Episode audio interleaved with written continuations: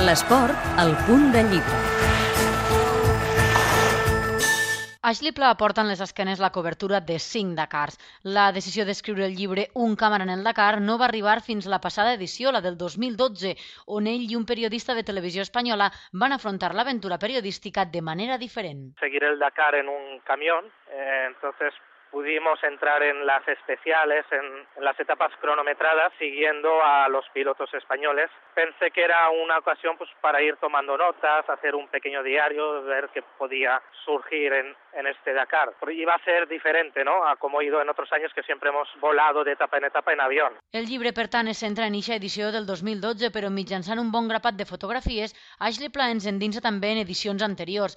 Potser per això, el llibre va dirigit a un públic ampli sobretot, un públic que tenga curiosidad per saber ben bé qué es un Dakar. Bueno, yo creo que principalmente cualquier aficionado al Dakar, no hace falta que sea ido en motor, cualquier aficionado que le llame el Dakar, quizás también la aventura. Es un libro donde también cuento cómo, cómo trabaja una extensa y en este caso un equip de televisió espanyola en el Dakar. Però el treball que representa Ashley Pla és també un recull personal de les seues vivències com a participant en el rally més dur del món, també per als periodistes. Bueno, para mí el Dakar, desde el primer día que lo conocí, me enganchó. El Dakar pues tiene esto, ¿no? Se, o te engancha o no vuelves, ¿no? Son 15 días que realmente trabajas en unas condiciones algo extremas, pasas sueño, calor, es una manera, es una aventura, ¿no?